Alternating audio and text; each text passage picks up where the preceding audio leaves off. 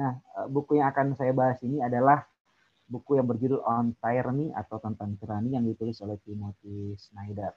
Nah, ini menjadi uh, oke okay. uh, buku uh, tentang tirani ini itu buku yang sangat tipis. Uh, dia hanya berjumlah 60 86 halaman saja tetapi memuat 20 pelajaran yang kita ambil dari 20 dari abad 20. Nah, penulisnya sendiri ini adalah seorang profesor di Yale University. Dia seorang profesor sejarah. Dia juga seorang dewan pengawas untuk sebuah uh, organisasi NGO penelitian milik uh, Yahudi.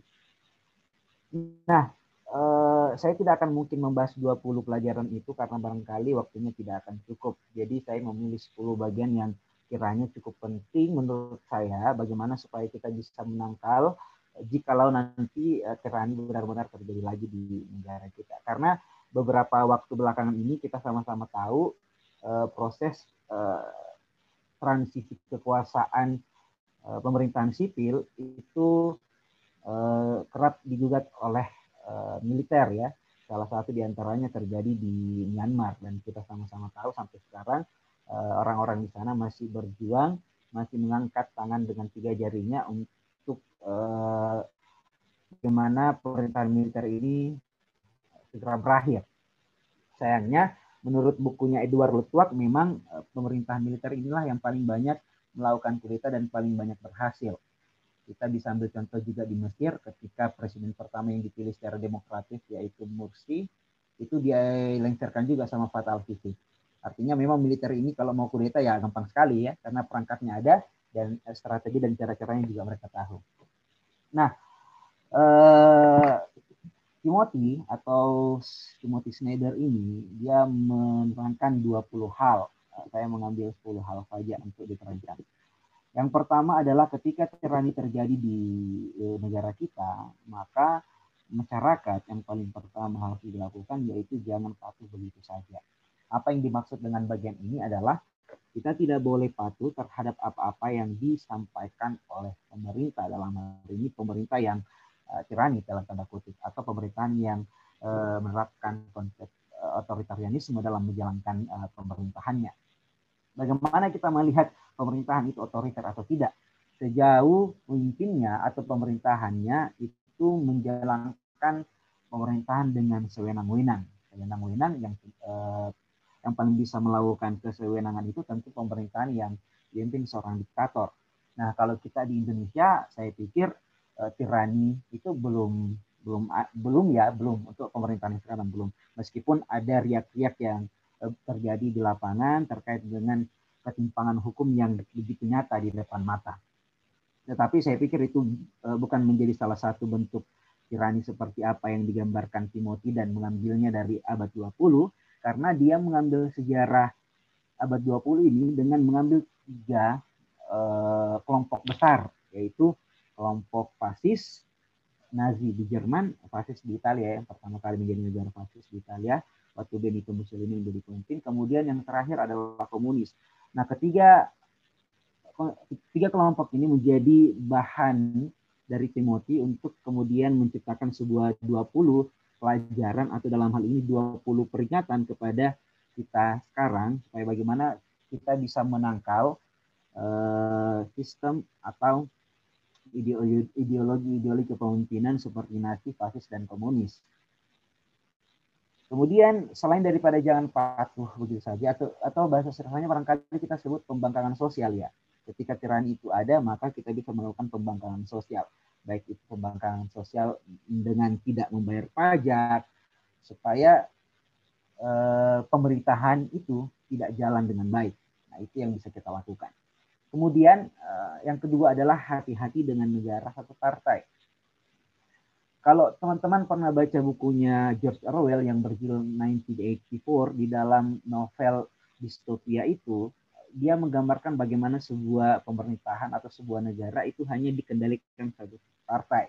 Kalau teman-teman dengar ada gium uh, Big Brother is watching you, maka itu personifikasi daripada uh, pemerintahan yang satu partai itu bahwa apa pun yang kita lakukan kita akan selalu diawasi, kebebasan ekspresi tidak ada, uh, kemudian akan ada pengurangan kata-kata di dalam kamus, bahkan bikin sebuah departemen bahasa untuk membuat beberapa kata mengalami penurunan makna atau peorasi. Nah, uh, kalau misalnya kita ke depan menghadapi keadaan di mana uh, ujung-ujungnya akan ada satu partai dan saya pikir di Indonesia tidak ya. Meskipun ada satu partai besar tapi itu tidak mem, uh, tidak membuat partai-partai lain justru tidak ada. Tetapi di Indonesia yang menghendaki banyak partai ini saya pikir menjadi tirani ya agak-agaknya susah juga karena kita masih memiliki banyak uh, oposisi. Meskipun satu persatu direcoki dari bawah yang paling baru misalnya tentang Partai Demokrat yang diambil alih uh, secara in, bukan intensitas apa eh, resmi juga ya karena KLB. Tapi nanti akan dibahas sama Kak Tonton untuk persoalan itu. Intinya adalah hati-hatilah kalau misalnya negara kita ke depan akan menjadi negara satu partai. Seperti misalnya di komunis yang telah runtuh uh, 90 tahun yang, yang lalu, di mana satu partai memang tidak cocok untuk menjadi sebuah pemerintahan di dalam satu negara. Kemudian yang selanjutnya, teman-teman sekalian yang ada di live uh, kita di sore hari ini. Kita sebagai warga negara itu penting kiranya untuk memiliki etika-etika profesional. Etika-etika profesional di sini yang dimaksud adalah bagaimana kita menjaga sikap humanisme global. Humanisme global ini tentu sederhana sekali definisinya, di mana kita uh, mengedepankan sikap kenegaraan kita menjadi seorang individu, apa humanisme ya, uh, mengedepankan sifat kemanusiaan ketimbang hal-hal yang lain. Nah, itu kalau kita misalnya memiliki uh, sifat humanisme itu, maka potensi untuk negara kita menjadi tirani itu tidak ada karena ada etika profesional yang kita jaga. Terkhusus barangkali bagi kita yang berprofesi atau memiliki predikat sebagai seorang intelektual intelektual yang punya pandangan untuk menjaga keseimbangan. Jadi intelektual yang tidak ikut ke dalam kekuasaan karena mereka lah yang akan tentunya e, mengontrol dan akan menjadi ujung tombak dari masyarakat awam bagaimana supaya menjaga kehidupan kita tidak e, dalam negara yang tirani atau sebuah sistem kepemimpinan yang tirani. Nah, yang menarik ternyata di dalam buku ini yaitu hati-hati terhadap para militer. Itu menjadi pembahasan juga. Para militer ini adalah uh, sebuah organisasi yang memiliki uh, sayap-sayap uh, militer dalam organisasinya. Bukan militer dalam artian tentara ya, tapi misalnya kayak saya berikan contoh kayak misalnya uh, NP Ansor punya Bansar, itu para militer kalau nggak salah. Kemudian FPI punya Laskar Jihad, Uh, kemudian beberapa organisasi lain pasti memiliki para militer. Nah, para militer ini menurut Timothy itu cukup berbahaya ya ketika eh, beberapa orang atau beberapa masyarakat sipil itu menjadi para militer atau menjadi mitra mitra militer. Banyak organisasi seperti itu ya. Ketika mereka diperkenalkan untuk misalnya menjadi seorang militer eh, dengan pakaian-pakaian yang menyerupai militer, maka ini juga sangat berbahaya dalam kehidupan kita. Karena suatu ketika ketika tirani itu muncul uh, cukup berbahaya karena semua orang punya senjata. Nah itulah kenapa di bagian lima ini berpikirlah bila anda meski bersenjata uh, karena senjata uh, teringat sebuah cerita ketika genosida, ter, genosida terjadi di Jerman itu banyak orang yang sebenarnya tidak ingin membunuh cuma karena dia punya senjata dan tahu bahwa orang eh, bahwa tetangganya itu bukan ras Arya dia seorang keturunan Yahudi maka ditembaklah dia padahal tetangganya. Nah kalau tidak punya senjata pasti tidak akan terjadi itu. Dan selanjutnya adalah percayalah pada kebenaran. Nah ini sangat penting sekali kebenaran. Kebenaran bagaimana bisa kita temukan kita harus perlu cari. Jadi kebenaran bukan sesuatu yang kita peroleh dari apa yang disampaikan oleh uh, pemerintah, tetapi kebenaran yang betul-betul kita harus selidiki.